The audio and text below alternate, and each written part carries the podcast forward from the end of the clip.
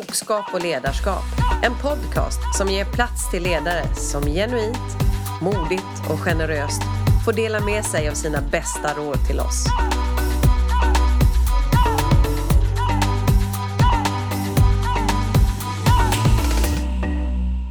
Men då säger jag välkommen till Magnus Snell som är produktionschef på lastningen här i LKAB i Kiruna. Tackar. Eh, Du ska alldeles strax få berätta vad du gör som ledare och chef idag. Men innan vi kommer dit så tänkte jag höra, liksom, vad var din bild av hur en ledare och chef var när du växte upp? Min bild av ledare och chef när jag började själv på LKAB som jag jobbar än idag, det var liksom att en ledare var otroligt plikttrogen, var sakkunnig och kände verkligen att det var en person som man kunde vända sig till när som helst och, och, och om vad som helst. Och, eh, en sak så här i efterhand som jag reflekterar över det är just det här att, att det kändes som att ledarna var, alltså det var lite sådär ensam är starkast och stod väldigt oftast själv när det blåste. Och på gott och ont så det är väl någonting som man har reflekterat efteråt och förstått att kanske inte bara var bra att stå som ensam ledare. Nej, Men hur var det sen när du blev chef och ledare? Var, var du ensam då? Eller hur, liksom? Tyvärr så tror jag väl att jag föll lite, när jag började bli lite varm i kläderna så var det som att jag ville gå in i den rollen till, till kanske de som jag har sett upp till och försöka vara den här ledaren som är hela tiden anträffbar och vara tillgänglig och vara den som har sakkunnighet på mutter och bricknivå och verkligen kunna både hårda och mjuka bitar och... och, och Men det, det håller ju sisådär länge om man har en stor arbetsgrupp. Så det tog väl en två, tre år innan jag tillsammans med våran chefsutbildning som vi fick sitta på och kloka kollegor som jag fick liksom insikten av delegering och framförallt en ledares främsta uppgift att få andra människor att växa. Den var ju, det gjorde det både lättare för mig själv och jag fick folk i min egen omgivning att växa. Ja, för du har en ganska stor grupp, eller hur? Eh, Jo, den är, den är, den är, men, mm, den är stor men, men många brukar säga att, att det går inte att ha så många. Men samtidigt så får man inte glömma bort att jag har väldigt mycket hjälp med min grupp. Jag Hur många har du? Jag har hundra stycken, lite mer än det också just för Mm. tillfället. Vi, vi ligger på 90 dagligdags och så tar vi in 20 vikarier. Okej. Mm. Sen har jag fem tjänstemän under mig också.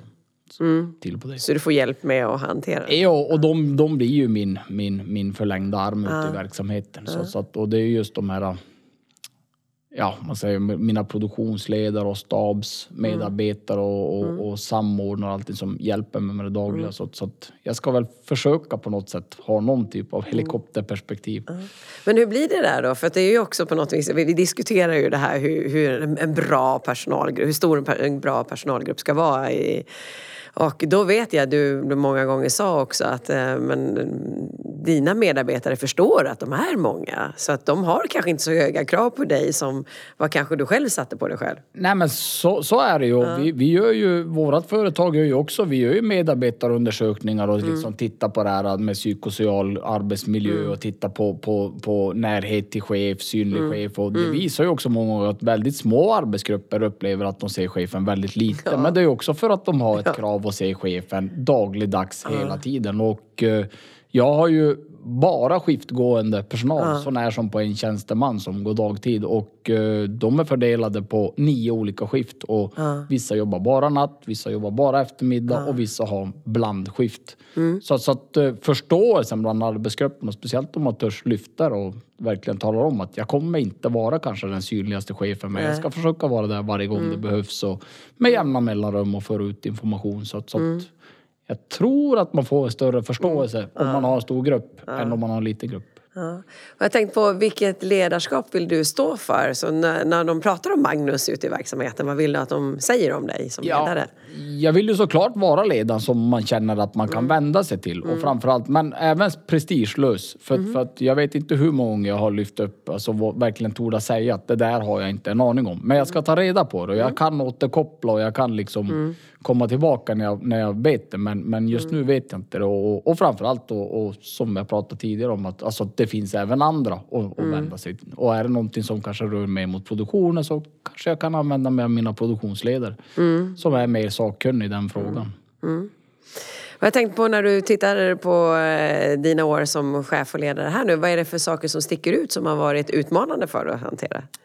Ja, jag har ju... Det är klart att utmanande, det, det man har fått lära sig under resans gång, det är ju den här vikten av att vara synlig. Fast man kanske säger att man inte kan vara synlig varje dag. Men just det här, vi, vi hade ju en större omorganisation här för två år sedan i LKAB Mm. vars vi gick in, vi gick från matpaus till matrast. Vad är det för Och- skillnad på det då? Ja, det blir egentligen 36 minuter längre arbetsdag. Och Okej. eh, det är ju liksom istället då för att du har matpaus och matpaus det är vid mån av tid och så tar man den när och om det finns tid på, på dygnet. Men helt plötsligt så får man in en 36 minuter matrast Okej. som inte då genererar i desto mer lön. ut- Eller någon den mer ska lön man ta, liksom, Den, den ska man ta. Ja. Och eh, den har väl uh, fallit si sådär och jag var ju då närmaste chef på den här arbetsplatsen Mm. när, när det här hände och, och, och det märkte jag att, att de här skiftlagen som jag träffar dagligdags, Mm. så som man verkligen orkar möta upp hela tiden, de här Mm. som jobbar då förmiddag, eftermiddag och så går de på förmiddag igen. De, de var jag jättebra att informera om allting vad som hände. Och, och, men sen har jag någon och några skiftlag som jobbar på obekväma arbetstider och jag har bland annat ett skiftlag som jobbar eller jag har två skiftlag som jobbar ständig eftermiddag. De jobbar sju dagar och är ledig sju dagar. Och eh, det var ett av de där skiftlagen och det var det sista skiftlaget som jag informerade om just den här matsalsfrågan. Och eh, nu med facit i hand, man har informerat kanske 80 personer om vad som komma skall. Och där har man ju verkligen gjort det med engagemang och varit övertydlig och verkligen talat om att det här kommer bli bra och ni kommer få påverka själv i hur vi ska sätta timmar och minuter. Och, och så känner man väl lite sådär att ja, men nu är det bara ett skiftlag kvar. Bara ett skiftlag kvar. Ja, och där kanske inte informationen var så det jättebra från min sida och jag fick en väldigt stark reaktion från, Vad hände?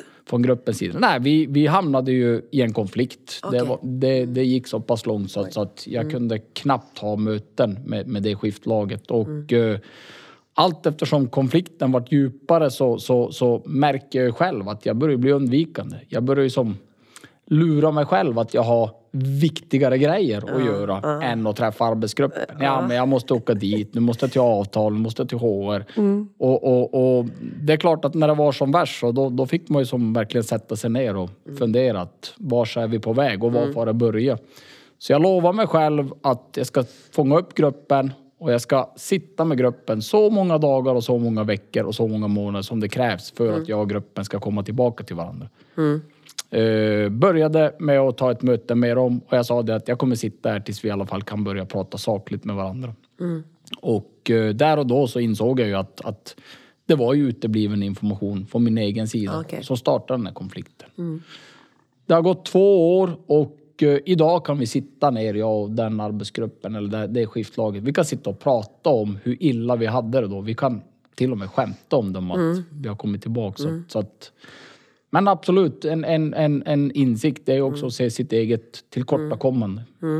Men jag tänkte också just det här som du säger att det tar tid att återskapa förtroendet när det har varit så. Absolut, Ja. absolut. Men samtidigt också att det är ju skönt att komma tillbaka när man känner att det nästan är ännu starkare så man just kan skoja om det. Ja. Det brukar ju vara ett tecken på Precis, att det är liksom... Sen är ju nästa farhåga, för nu märker jag att nu vill jag vara med det skiftlaget kanske lite mer än du de andra skift. För att jag börjar känna liksom, nu har vi överkommit någonting tillsammans. Och det gäller ju också då att man gör en hela tiden. För fort så glömmer man bort någon annan. Ja, men hur gör du då för att disponera din tid så att du liksom är så rättvis nu som man kan vara beroende på vad produktion säger? Liksom? Nej men jag har ju, alltså jag har ju mina fasta mötespunkter vars jag till exempel har veckomöten och, och, och det sker ju, jag har ju då veckomöten varje vecka men för till exempel mina K5 skiftlag som jobbar i en femskiftcykel så blir ju det, då sitter jag med dem var femte vecka.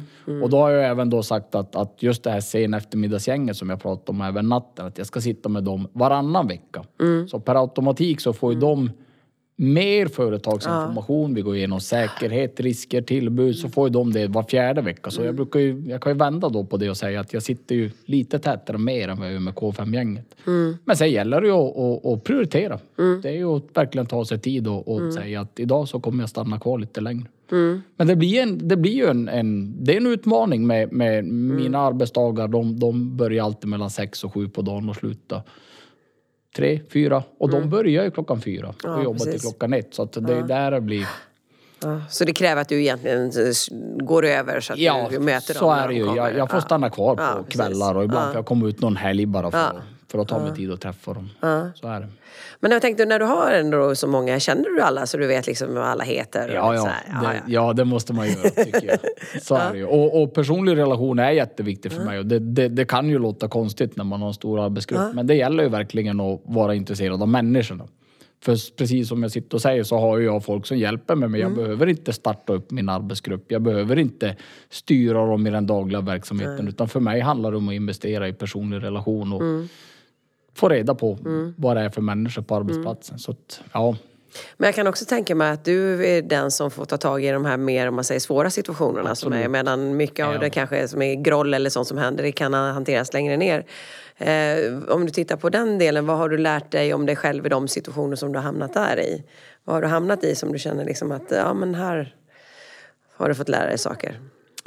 Ja, men det är ju såklart det du pratar om, det är ju de mjuka bitarna och, och, och framförallt så är det ju den psykosociala arbetsmiljön som man har fått lära sig väldigt mycket. Och det var ju ett tag när jag kom in som närmaste chef och, och lite grann som vi pratade om tidigare, just det här med bilden av att ensam är stark, så försökte väl jag mig också kanske lite på vara lite som mina förebilder och köra hela det här racet. Och, och, och det ledde ju till att jag var väldigt nära att gå in i väggen, tror jag. Jag vet inte, men, men, men att jag led av någon typ av psykisk ohälsa för att det började slå på sömnen och det började slå. Så, att- så att där är ju någonting man har fått lära sig just det här att ha bollplank och ha någon att Bra. byta, byta tankar och funderingar. Och det kan vara kollegan, det kan vara någon från ens egen arbetsgrupp. Det kan till och med vara någon från arbetsplatsen som man bara sätter sig ner och nu känner jag så här.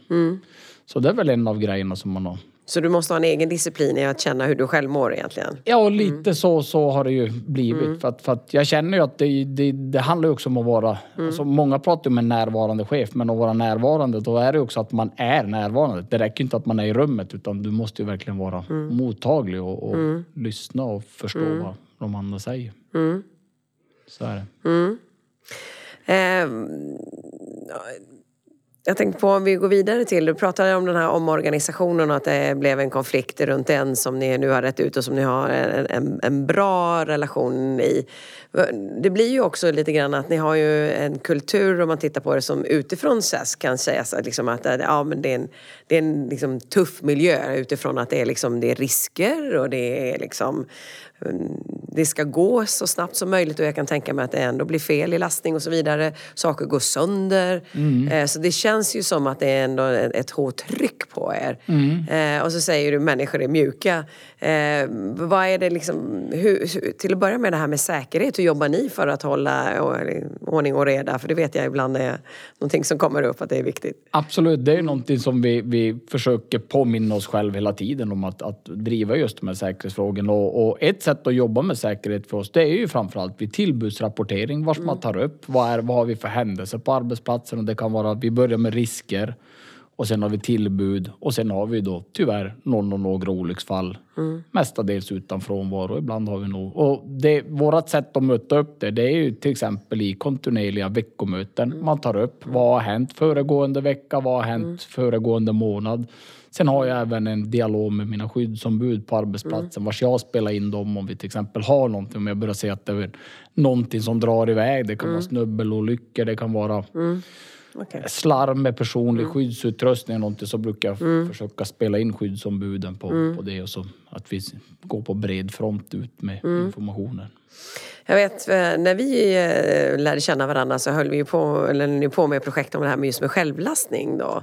Utifrån att det blir att man sitter då eh, på distans och lastar och lossar, eller vad säga. Precis. Hur, hur, eh, kommer det liksom fixa att man inte har sådana här tillbud sen? Eller hur kommer det kunna bli att man ersätter rakt av? Man pratar ju mycket om digitalisering i övrigt, att det kommer att ta bort ar- arbetsplatser och så vidare. Precis, Nej, men en intressant fråga. Jag, jag tror ju att, att automationsgraden, alltså det du pratar om, det är att höja automationsgraden. Att vi mer och mer ska få bort människor från, maskiner. Och det är ju såklart så, då tar man ju bort en riskfaktor. Men vi ska ju även komma ihåg att oavsett om vi har människor som sitter i maskinen för att utföra själva jobbet så kommer vi fortfarande vara tvungna att ha människor ute i gruvmiljö. Ja. Så det är ju inte förrän vi har allting Nej. fullt ut i automation som vi kanske inte behöver ha människor. Men det är ju, vi kommer fortfarande behöva reparatörer, vi kommer behöva underhållspersonal, vi kommer behöva någon som får dit och förbereder jobben. Och, och men, men det är ju ett steg, steg att gå för, för lastningen och vi har ju precis, eller precis, för ett år sedan så har vi dragit igång fjärrlastningen igen och eh, vi började med en maskin när jag satt på utbildningsbänken med dig. Vi är uppe i två idag.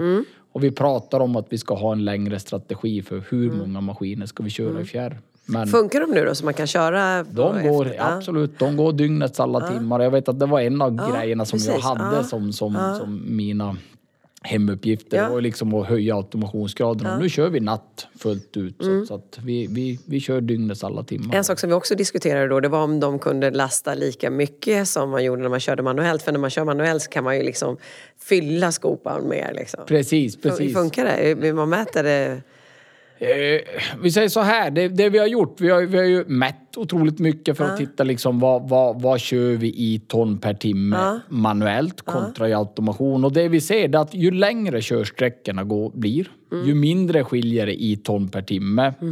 Men det som är en fördel för automation det är att vi kan använda dygnets alla timmar Ah, okay. för att köra automation. Så att om vi, om vi räknar på ett lite grann hur man vill räkna på det. Men, men räknar man på en lång sträcka och man räknar på att man inte behöver ställa lastningen på. Vi skjuter ju Kiruna gruvan varje natt. Det ska ju skjutas lös sten. Och då, de skjutningarna avgör ju skjutgaser. Ja. Det innebär att vi måste ställa gruvan. Vi brukar säga att vi har nattstängt i ungefär 3 till 4 timmar för att ventilera ut skjutgasen. Fördelen med, med fjärrmaskiner är att de kan ju fortsätta gå hela tiden under den här tiden. Så, att- så att räknar man på en lång bärsträcka och att man dessutom får köra tre timmar längre, då skiljer det ingenting mellan manuell och fjärr. Det kan till och med vara så att det kan vara en fördel att köra fjärr, lite beroende på hur lång bärsträckorna blir. Om de börjar gå uppåt en 400 meter. Men uh, kör vi 100 meter ifrån schaktet, då märker vi att, att den mänskliga faktorn börjar ha ganska stor påverkan. Och det är precis som du säger, för där vart det tar mest tid, det är att fylla skopan Ja, och precis. tömma skopan. Själva färdvägarna till och från går ungefär lika fort oavsett om man sitter i maskinen och man fjärrstyr. Men just påfyllnings... Så det, det är bra. Man får lite känsla för det med andra ord hur man ska göra på bästa möjliga sätt. precis. Ja.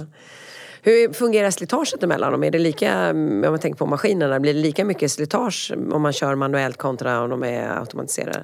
Jag tror inte att vi ser någon skillnad Okej. i, i dagsläget. i alla fall. Jag tror att, Däremot så tror jag att det är lite olika slitage. Det vi ser, det, det vi ser är att såklart så fort vi pratar om den mänskliga faktorn så kan vi kanske ta lite för tunga skopor. Okej. Vi kanske kör lite för mycket på broms och vi kanske kör på ett felaktigt sätt.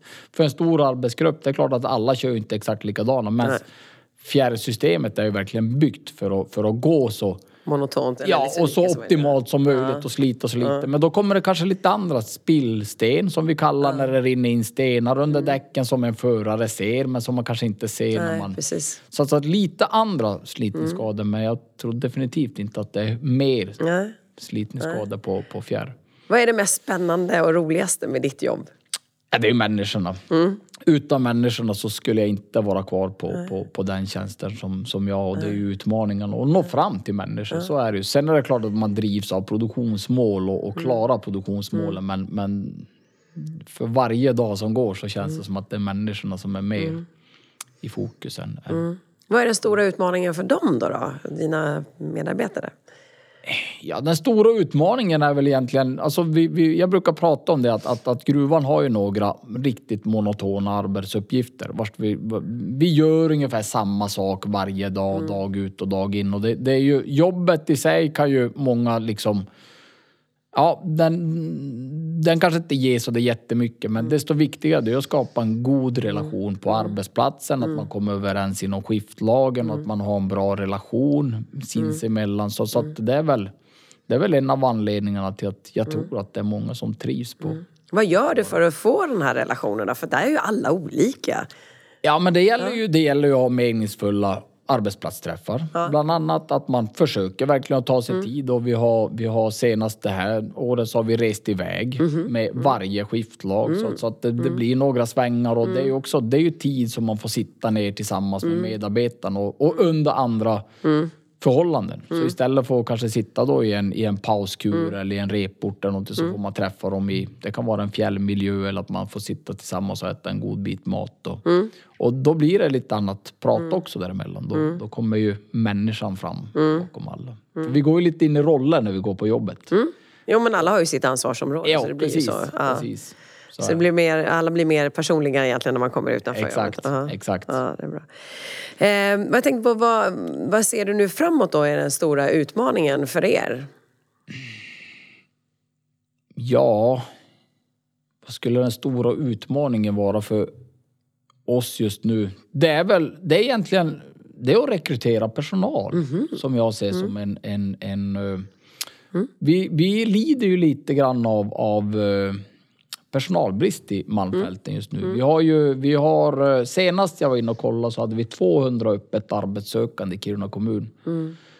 Totalt i hela kommunen och det, är- det är en ganska stor kommun med många mindre byar som är till. Och jäms med det så hade vi 1175 lediga jobb. Oj! Jo. Så, så att här, utmaningen är ju att fortsätta vara attraktiva LKAB. Ja.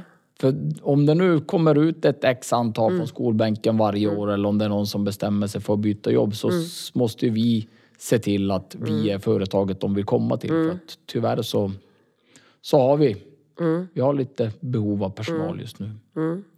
Men vad, vad gör du själv för att ha en attraktiv arbetsplats då? Ja, det är ju... ja, det är ju såklart så är det ju att prata gott om arbetsplatsen och sälja in arbetsplatsen. Och framförallt så har jag satt ganska mycket tid på sistone just på rekrytera personal. Jag har varit gjort arbetsplatsbesök. Jag har varit besökt när vi till exempel har sett företag som kanske ska lägga ner verksamheten någonting så har vi passat på att vara där och gjort reklam för oss och prata liksom att så här ser min arbetsplats ut och, och ja, sälja in sig lite grann. Så man, Men du är ju en person som många medarbetare tycker om för du har väldigt stort hjärta i ditt ledarskap och du bryr dig ju verkligen om andra och ser andra personer. Och jag tänkte, när vi också träffades så pratade du om att du har blivit fostrad mycket från hockeyn. absolut. Eh, så jag tänkte, hur, hur gick din egen hockeykarriär då? Måste vi ta den Berit? Lite kan vi väl Ja men det kan vi göra. Nej den gick väl inte så bra. Däremot så... Varför inte så, då då? Nej, jag tror väl inte att jag kanske hade det som behövdes. Eh, Framförallt så tror jag att jag inte riktigt hade träningsviljan Nej, och, och okej. såg det alldeles för sent. Och, och tyvärr så är det väl så idag med, med dagens idrotter att, att man måste vakna ganska tidigt om man ska Ja. hänga med på tåget. Vi- Man gör ju allt för att fördröja den åldern men, men fortfarande är det så att när du börjar vara 10, 11, 12 år så då måste du på något sätt har bestämt dig för att köra. Så, så att uh, började då med en egen kort karriär men eh, har varit kvar i tränaryrket sen dess. Så, så att jag är inne på mitt åttonde år nu med det laget jag tränar nu och jag har haft sju år med ett annat lag och två år f- före det. Så, så, Så vad har du gjort för att få de ungdomarna att förstå att det är viktigt att träna då? Om du själv inte riktigt insåg det i tid, vad har du gjort för att få dem att inse att de ska Ja, göra det? men man kan ju ta lite av sina egna erfarenheter och föra över på barnen. Och, men, men sen handlar det också väldigt mycket om vad man tränar. För när man tränar barn så handlar det bara om att vara, det ska vara roligt. Och om anledningen är att komma och träffa en rolig tränare så är det en anledning att komma till en träning. Men där blir det ju en stege från år till år. Så att, så att det gäller ju att känna av det där. För när de är åtta år då ska det bara vara ren glädje. Det får inte finnas någon prestation eller någonting eller någon, någon jämförelse. Utan det gäller ju som om, men sen utmaningar blir ju när de blir 15-16 år. Liksom förbereda dem för juniorlivet och, och, och då kommer det sportsliga. Mm. Hurdan är du som hockeycoach då? Jag tror jag är väldigt... Jag är otroligt dålig förlorare. Så, så, så att tyvärr så när det går dåligt så är inte jag... Men, men jag har i alla fall lärt mig att jag tar inte ett snack direkt efter en förlust. Nej, utan okej. jag, jag blåser ut i ledarrummet och tar en kaffe och sen går jag in och pratar på vad vi kan göra till nästa gång. Men, Mm. Okej. men där är jag otroligt resultatfixerad Mm. just när det gäller kommer till idrott. Men eh, när det går bra så får jag väldigt mycket energi av. Ja. Jag tror att det smittar av sig. Ibland så funderar jag om barnen vill vinna bara för att Magnus ska vara så, så glad så att de får den där positiva energin. Men om det är en anledning så köper jag den alla Själ dagar i gott som veckan. något, ja visst är det så. Ja. Eh, Men jag tänkte på, för just då utifrån att du har lärt dig känna dig själv väldigt mycket som du sa utifrån att du var ett hockeytränare. Men vad är det du ser att det gör och du kan ta med dig in i din yrkesroll? Nej men egentligen, jag brukar säga det att, att, att det är egentligen inte någon större skillnad på att, att träna barn som som att vara ledare i. För alla vill bli sedd. Och även de som säger att de aldrig vill bli sedd och inte behöver någon feedback. Så ljuger de vid det. För, för att alla mår bra av att få feedback. Och, och det är någonting som jag verkligen har tagit med mig just det här alltså hur Och hur olika barn och människor kan Mm. bete sig för att få just den uppmärksamheten. För får man inte på det naturliga sättet då kastar man en snöboll eller så Mm. gör man något annat hyss för att man får på något sätt, Mm. här är jag. Och, och det är någonting som jag kan ta med mig Mm. även in i vuxenlivet. För att så fungerar även vi vuxna. Så, Mm, så, ja. just det här betydelsen av att synas, Mm. finnas. Det är någonting som jag, bekräftelse, grupptillhörighet är också Mm. någonting som är väldigt starkt rotat i oss. Och det är ju speciellt när man jobbar med lagidrott och så Mm. har man en stor arbetsplats så ser man ju hur viktigt det är att ha den här grupptillhörigheten. Mm. Jag tänkte på eh, bara, du pratar ju om det här med förutfattade meningar också, om hur grupper ska reagera. Ja. Ja, kan du berätta lite om det exemplet som du hade på din arbetsplats där? Ja men så är det ju. Det är klart att man, man måste ju alltid titta sig själv i spegeln innan Mm. man börjar liksom. Men, men eh, vi hade för, eller jag hade för några år sedan vars jag fick ett otroligt intressant erbjudande på en som var intresserad av att börja på min arbetsplats. Mm. Eh, Fick ett tips av en som jobbade på arbetsplatsen och sa att jag har en kusin som har en syrra som har en granne som har en katt höll jag på att säga. Mm. Ja, men, typ. Och typ den vägen. Och, och, och, och då fick jag tips om en som eh, jobbade på en lokal bensinmack. Och jag hade ju träffat personen för att jag handlar ganska ofta på den där bensinmacken. Tyvärr så blir det mycket sådana där, men man var och köper en macka. Och, så, så att jag känner mig lite som en stammis och direkt när jag fick höra namnet på personen så visste jag vem det var och har även sett väldigt gott om den personen. Som fick en känsla av att väldigt service-minded och ville göra rätt för sig. Fick ibland en känsla att det var en av de få som gjorde någonting på hela bygget. Ja, ja. Och, eh, men sen var det ju en liten grej. Det var att den personen stack ut lite grann på sitt sätt att vara. För att jag kunde inte riktigt avgöra om det var en tjej eller en kille.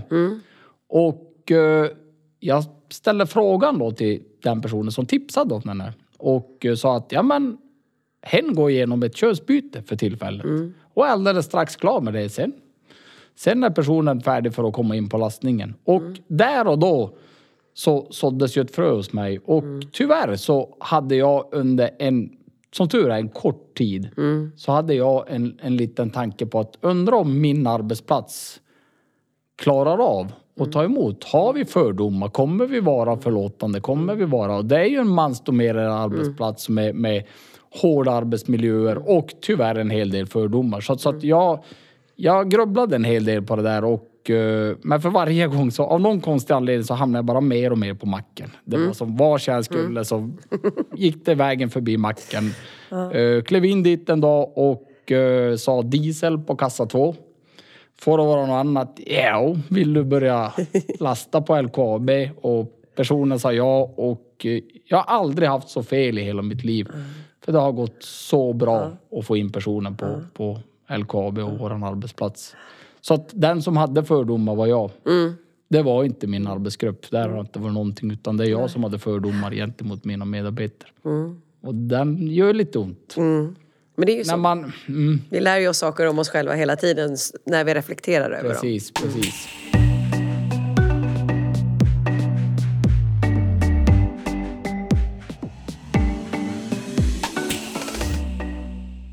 Jag tänkte att du eh, som en klok person ska få ge också eh, tre råd till personer som jobbar som ledare och som chefer. Vad tycker du? Tre bra råd. Hur ska de tänka?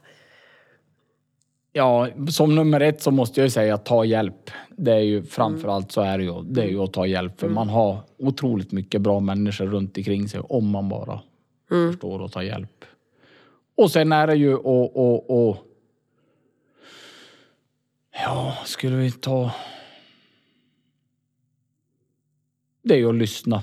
Alltså, och verkligen lyssna. Jag brukar säga att Hur försök, ja, men försök inte kanske att vara en psykolog alla gånger. Utan, för det är oftast det som avskräcker oss från att vilja lyssna. För vi vet att det här kommer göra lite ont. Det kan vara en boll av känslor som du kanske inte vill in i. Men meningen är inte alla gånger att man ska kunna lösa den där bollen utan att man lyssnar. Så, så att, mm, lyssna verkligen på vad folk har att säga. Och vara tillmötesgående. Att Hur tänker du då? Nej, men, alltså, det, det är så lätt att jag, jag ser alldeles för många som drar det här chefskortet bara för att dra chefskortet. Och jag Okej, brukar säga det. Alltså, att det, det, ibland kan man ju vara ledare fullt ut och ibland måste man gå in i chefsrollen Mm. när det kanske är meningsskiljaktigheter. Det, det är helt enkelt det är så här det Mm. måste bli. Men, men försök att använda chefskortet så lite som möjligt och Mm. försök att istället då lyssna på medarbetarna och Mm. på något sätt mötas. Tycker jag. Ja. Mm. Bort med chefskortet. Ja, det är bra. Använd ledarkortet lite mer. Ja. Det är bra. Tack för tre väldigt bra råd och tack för ett trevligt samtal. Tack ska du ha.